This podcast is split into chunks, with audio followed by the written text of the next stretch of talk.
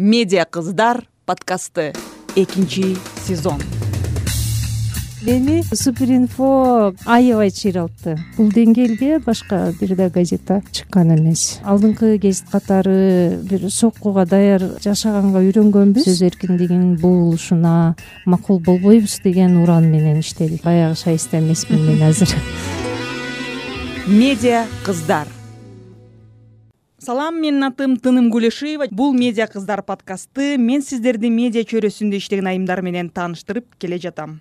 Экинчи сезонду кыргыз журналистикасынын тарыхына кайрылайын дегем.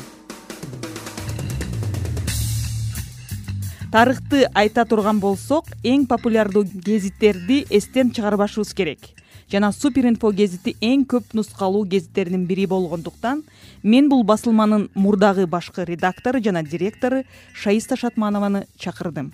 Шаиста кош келипсиз. Жеке гезиттин командасына кошулуу кандай болгон? Рахмат тынымгүл. Аябай э, мен жолдо келатып э, угуп келдим подкастты. Кызыктуу абдан болгондо дагы ушул кыргыз журналистикасынын эң бир урунттуу учурларын эң көрүнүктүү мекемелерин жетектеген кыздар менен маектер экен. Аябай кызыктуу болду. Э, анан көрүнүктүү медиа менеджерлердин бирисиң. Рахмат.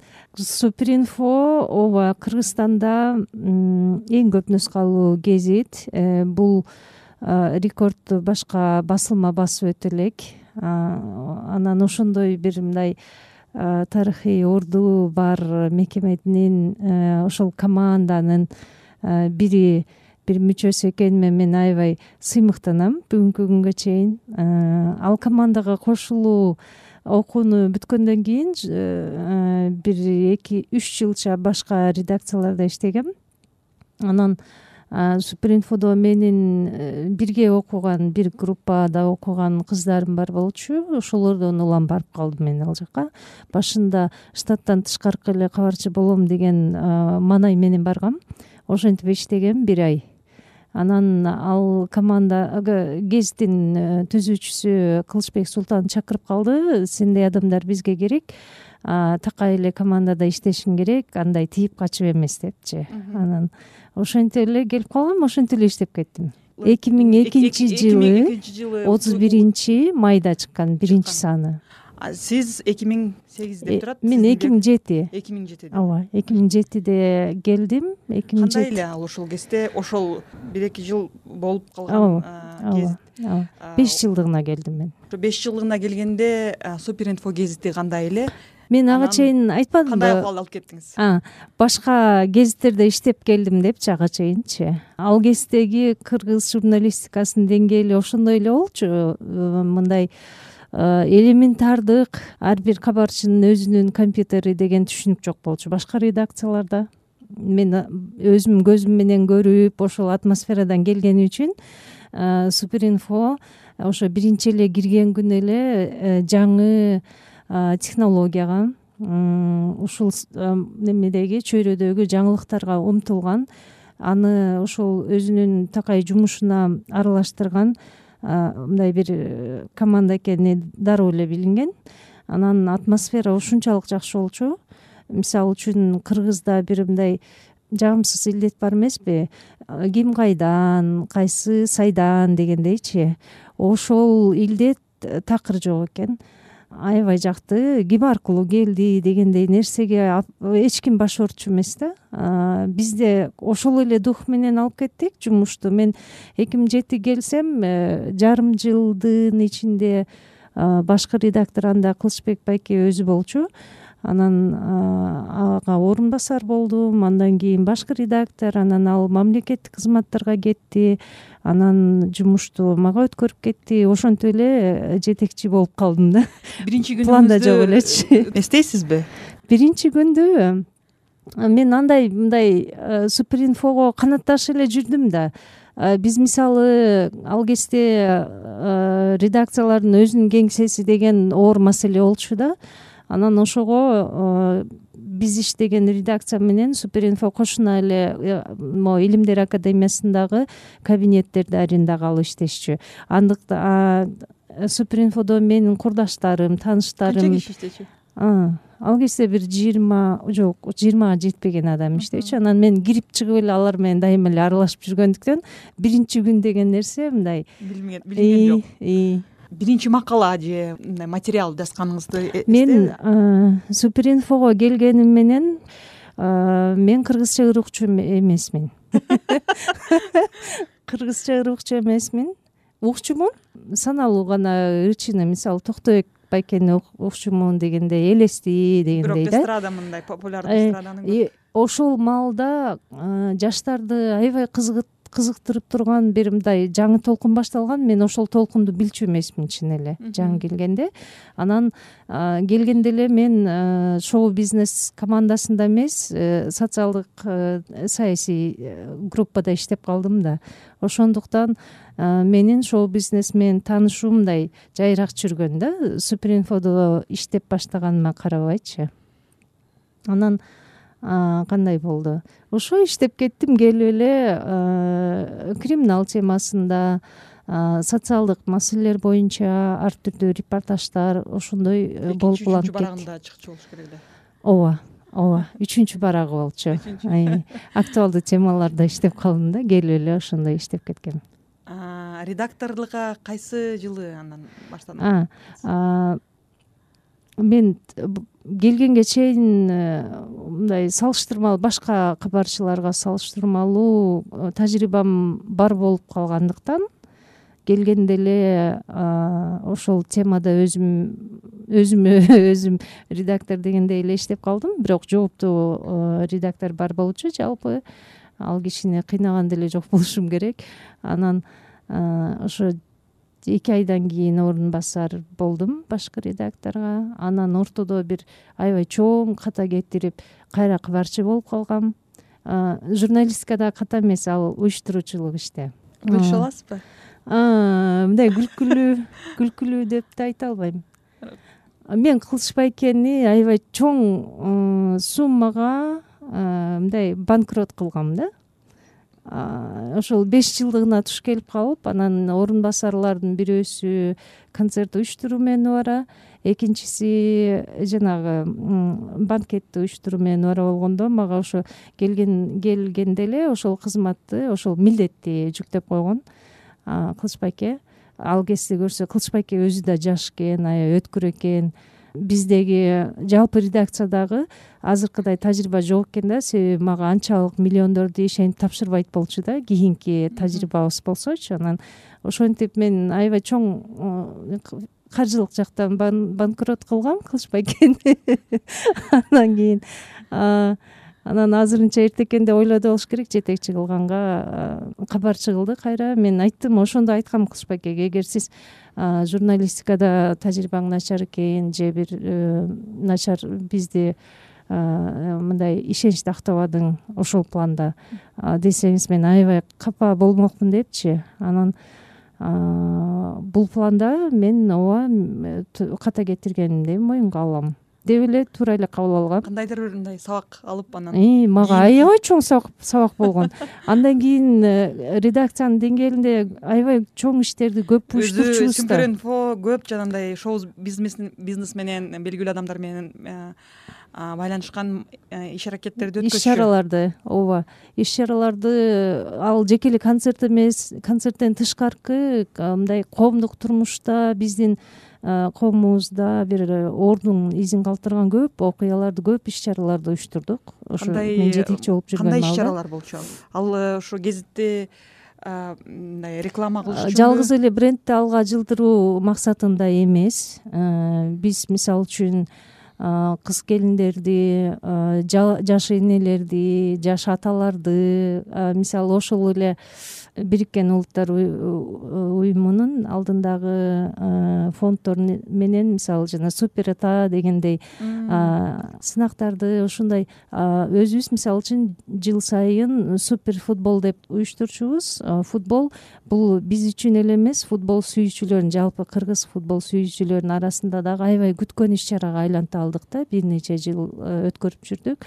Анан аягында кыргызстандагы мен деген ири компаниянын баары чалып качан футбол качан биз кантип даярданышыбыз керек эмне кылышыбыз керек ошентип күтүп калган деңгээлге жеткенбиз. Медиа кыздар. Кайсы жылы эң мындай популярдуу жылдардан болгон мындай мен билем э, дүңгүрөп жаткан бир кездери болгон. Конкреттүү жыл деп атасак да болбойт го дейм. Бир бир нече жылдын аралыгы болду. Албетте гезитте бул э, рейтингди аныктоо оп оңой ал э, нусканын санынан эле белгилүү болот да. Жүз миңге жеткен деп уккам жүз жыйырма эки миң болду да. Эң эң чоң тиражыбыз жүз жыйырма эки миң. Анан супер инфонун башка жалпы кыргыз гезиттеринен айырмасы супер инфо жалаң алдын ала түшкөн э, заказдардын негизинде гана э, гезит басып чыгарган газета да. Өзүн өзү актап мисалы үчүн башка гезиттер э, бир болжолдуу түрдө сата алам сата албайм деген эме менен чыгара беришсе а бизде алдын ала берилген заказдын негизинде гана чыгат. Бул жүз жыйырма эки миң деген мындай эл өзү талап кылган нуска болчу да. Бул э, бул деңгээлге башка бир да газета чыккан эмес. Редактор катары ошо гезиттин кандайдыр бир духу атмосферасы болгонбу? Ошону мындай сүрөттөп бере аласызбы? Супер инфо башка гезиттерден айырмасы биринчиден э, албетте түзүүчү уюштуруучу адамдын берген бир мындай духу демилгеси жолу ал киши өзү эмнеге умтулуп атат да? Ошол нерсени биз менен дайыма аралашып жүрүп дайыма бөлүшүп жол көрсөтүп жүргөнүнөн болду. Бул биринчиден. Экинчиден жалаң жаштар болчу. Жаштардын эмнени каалап атканы да э, аларды эмне түйшүлтөт эмне жетишпей жатат жаштардын арасында ошол нерселер бизди көбүрөөк ойлондурчу. Анан жалаң эле жаш эмес э, бизде газетанын айырмачылыгы башкалардан. Ушул отуз эки кырк беттин ичинен кыргыздын ар бир окурманы өзүнүн темасын таба алчу. Ошонусу менен да баалуу болду биздин газета кайсы бөлүмдөрү же рубрикалары деп коебузбу популярдуу болчу. Бизде ммкларды колдоо борбору фондусу бар. Фридом хаус уюмунун колдоосунда ачылган.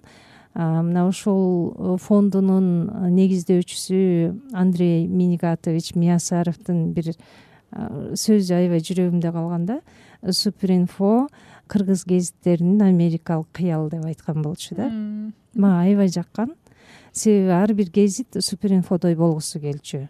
Мейли бизди сыртыбыздан сындайбы бизди өзүнөн өйдө көрөбү мээсинде да бирок рейтингде баары бир мындай реалдуулукта баары бир бизден өйдө болгон жок эч кимисичи эми бул мактаныч эмес. Мактаныч эмес болгону болгон окуя катары мен көргөн мен күбө болгон учурлар катары айтып атам да анан ошол америкалык кыялы дегенге мен ушунчалык жүрөгүм жылыткан ошол сөз мээмде дайыма жашайт да супер инфо кыргыз гезиттеринин америкалык кыялы.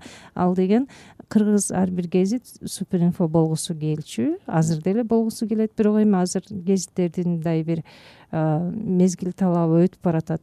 Критика кылгандар айтчу болуш керек э, бул эми жеңил жеңил желпи журналистика ооба ооба. Ошолорго кандай э, каршы э, ойду айтат элесиз каршы деле айтпайм. Бизде кыргыз журналистикасында азыр деле бар ал илдет бир журналистикалык стандарттар эле эмес. Мындай жеке адамдык бирдик стандарт деле сакталбай эле да. Анан ушунчалык э, кээде ушу кыргыз тилдүү журналистикада капа болуп кетем да. Ушунчалык бир мындай эч кандай фактыга эч кандай бир мыйзамдарга эч кандай бир адамдык жанагы бирдик кодекске дагы сыйбаган макалаларды ошондой ойдон чыккан жөн эле мындай бир чыгып туруп ойлоно ойлонуп урдуруп койгон бир материалдар чыга берет. Ошол эле гезитти жасап аткандар супер инфо жеңил желпи гезит дейт а супер инфо өзүнө эч качан эч бир учурда андай нерсени орусча айтканда позволять эткен эмес дайыма бир алдыңкы гезит катары бир соккуга даяр жашаганга үйрөнгөнбүз мисалы эсептерде миллиондор турса миллиондоп мамлекетке салык төлөп атсаң элдин баарына мындай бир келип эле миллионду жулуп алганга боло тургандай бир лакомый кусочек көрүнө берет экенсиң да. Ошондуктан биз дайыма ар бир кадамыбызды абайлап таштаганга ар бир кадамды туура караганга юридикалык жактан моралдык жактан ошентип үйрөнгөнбүз. Демек мен супер инфону жеңил желпий дегенге эч качан кошпойм ал эми шоу бизнес дегенди жеңил желпи дегенге болбойт. Себеби өзүңүз билесиз шоу бизнес деген дүйнө жүзүндө миллиарддаган индустрия. э, да миллиарддаган акча э, финансылык поток айланган аябай чоң бул экономика мамлекеттердин экономикасын түзгөн тармак да булчу аны жеңил желпи деп атаганга болбойт да супер инфонун башкы бетинде биздин жылдыздар биздин белгилүү адамдар чыкчу. Ошол редакция менен кантип чечсиң кимди чыгарабыз деппи э, бизде деген э, ушунчалык бир э, сонун демократиялык аралча болчу да өзүбүздүн ичибиздеги ал нерсечи. Ар бир гезит жаңы чыккандан кийин отуруп алып баарыбыз кофе ичип чай ичип бир жумалык стрессти акырындап чыгарып гезит басылгандан кийин. Анан отуруп алып анан өткөн санды э, ар бир макаланы э, кайсы жеринде эмне ката кетти эмне болду ошонун баарын талкуулап урушчу жерибизди урушуп алып жарашчу жерден жарашып алып анан кийинки санды пландап эмне актуалдуу болуп атат же болбосо кимдерге басым жасасак болот? Себеби супер инфо ошо шоу бизнесте кыргыз шоу бизнесин аябай бир мындай жаңы бир агым киргизип анан далай бир жылдызды жана булактын көзүн ачат деп коет эмеспи э кыргызда. Ошентип жылдыздарды ачкан бир ыңгайлуу аянтча болуп берди да шоу бизнеске кандай материалдар эсиңизде? Кандайдыр бир күлкүлүү же өкүнүчтүү окуялар болду беле же резонанс жараткан. Менин билишимче көп карапайым эл жөн эле жазып да кайрылчу. Мындай. Биз э, мүмкүн болушунча ушул э, окурман менен тыгыз байланышта болгонго аракет кылдык. Башка гезиттерден айырмаланып эрте сайт дегенди жолго салдык анан сайт аркылуу э, башка азыркы соц тармактар ошо андагы соц баракчалар аркылуу дайыма ошо окурмандын үнүн угуп келгенге аракет кылдык. Э, ошондуктан кыргызстандын баардык булуң бурчуна чейин атүгүл ар бир облустта филиал ачканга ачкан учурубуз да болгон да өзүбүздүн корпункттарды ачканбыз. Э, бара бара ал финансылык жактан оор болгондуктан кайра ал пландан артка чегингенге аргасыз болгонбуз бирок ошонун баардыгы бизге бир мындай э, чыныгы кыргыздын арасында чыныгы кыргыздын э, өздүк гезити болгонго бизге э, неме мүмкүнчүлүк түзүп берди да анын баарычы менин билишимче гезиттеги жарнактар реклама деп коебуз. Ооба. Ошол кездеги популярдуу гезиттердин бири вечерний бишкектин деңгээлинде мындай баасы болчу да. Ооба. Ошо финансылык жактан бул менин оюмча кыргыз тилиндеги журналистикада биринчиден мындай рекламаны да жакшы өздөштүрүп кеткен гезиттердин бири болгон. Ушул жагын да жетекчи катары баалап кетсеңиз. Мен бул нерсени сыймыктануу менен айткым келет да. Кыргыз журналистикасы шарттуу түрдө группаларга бөлчү болсок биринчи группа бул бийлик тарабынан каржыланган группалар экинчи тарабы алардын каршы тарабынан каржылангандар оппозиция жактан да. Үчүнчү тарап бул сырттан каржылангандар супер инфо супер инфо өзүн өзү каржылап ушунчалык деңгээлге чыккан гезит боло алды. Биз гезитти саттыктан ошондой эле баардык ошо кыргызстанда иш алып барып аткан кыргызстанда эле эмес чет жактан дагы ар түрдүү тажрыйбалар болду.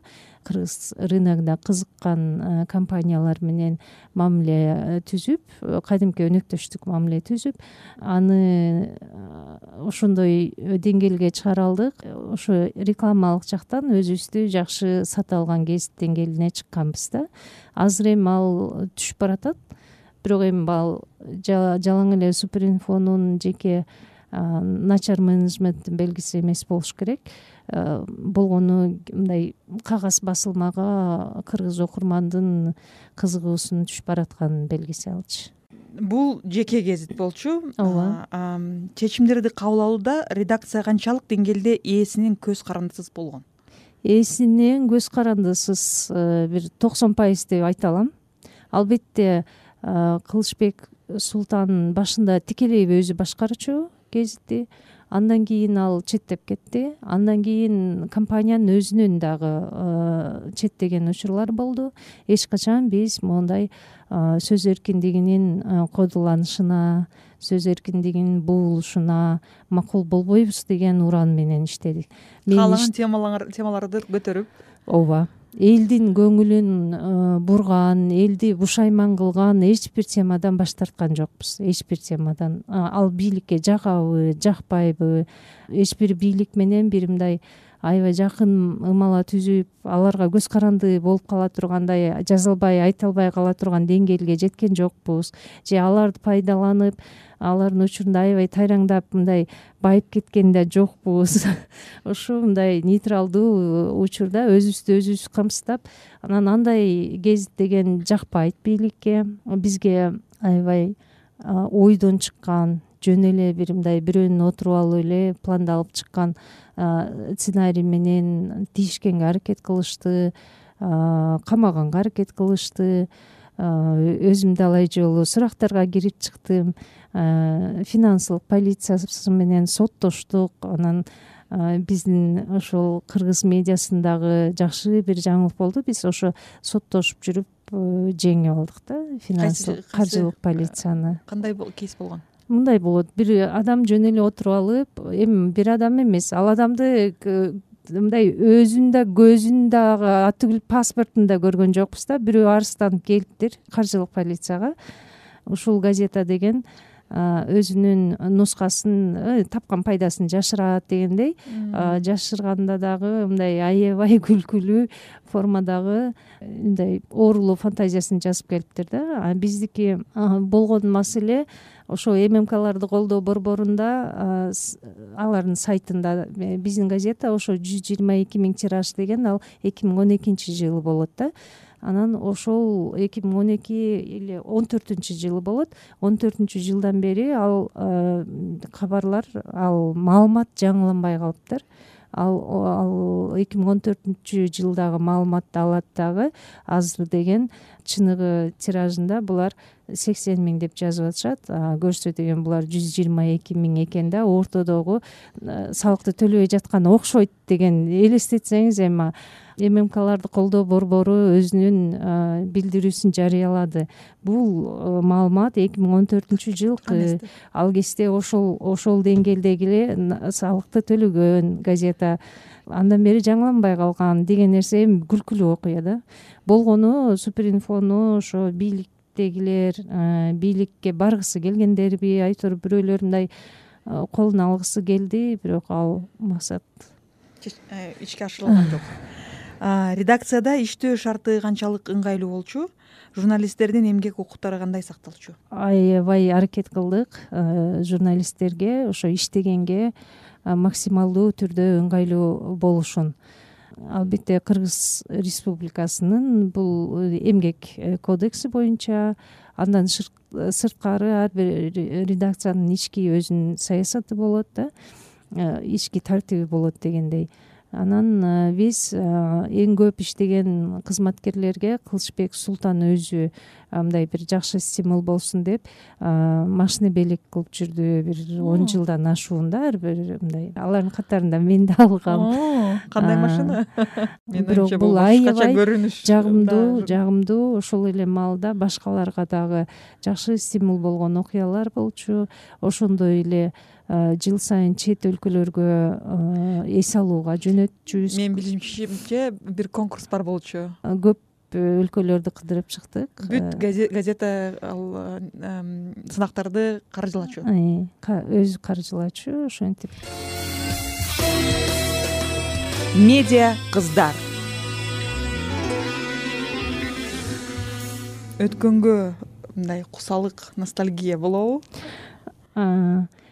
Азыр ар бир кыргыз жарандын алаканында бүт дүйнө бар кичинекей гаджетте интернетке байланыш бар. Анын ичинен каалаган пайдалуу залалдуу дагы маалыматты каалаган учурда таба алат. Бул эми болгону мезгилдин талабы. Андыктан ошол алаканында турган маалыматты таштап коюп анан өзүн кыйнап бир эки жүз метр балким бир километр басып барып гезит издеп сатып алыш э, зарылчылыгы жок болуп калды да. Ошондуктан бул мезгилдин чакырыктарына даяр болчубуз. Башкалар баштай электе эле газетанын чегинен сайт өсүп чыккан. Ошо супер инфо мисалы өзүнүн нөмүрүн сайт аркылуу ошол эле телевидение аркылуу эми соц сеттеги ошол эле ютубдагы эң жакшы каралган эң көп катталуучусу бар канал аркылуу өмүрүн улантып атат да. Биз ошондой болоорун билип алдынан даярдык көрүп келгенбиз. Сиз супер инфодо иштегенден бери кандай өзгөрдүңүз? Мени супер инфо аябай чыйралтты мен ушунчалык жумшак жоош адам болчумун. Ушундай жүздөгөн адамды жумуш менен камсыздаган э, мекеменин жетекчиси болгондо анан ар бир жумаң ар бир күнүң ар түрдүү окуяларга туш болуп атсаң анан ошентип финпол менен соттошуп жүрсөң дегендейчи. Каалайсыңбы каалабайсыңбы адам чыйралат анан жеке өзүң эле эмес өзүң үчүн эмес. Мен кызматкерлер үчүн дагы аябай чыйралдым мени тарбиялады адам катары жетекчи катары өзгөрдүм өзгөрдүм баягы шайыста эмесмин мен азыр журналистикадан башка сизди дагы эмне кызыктырат?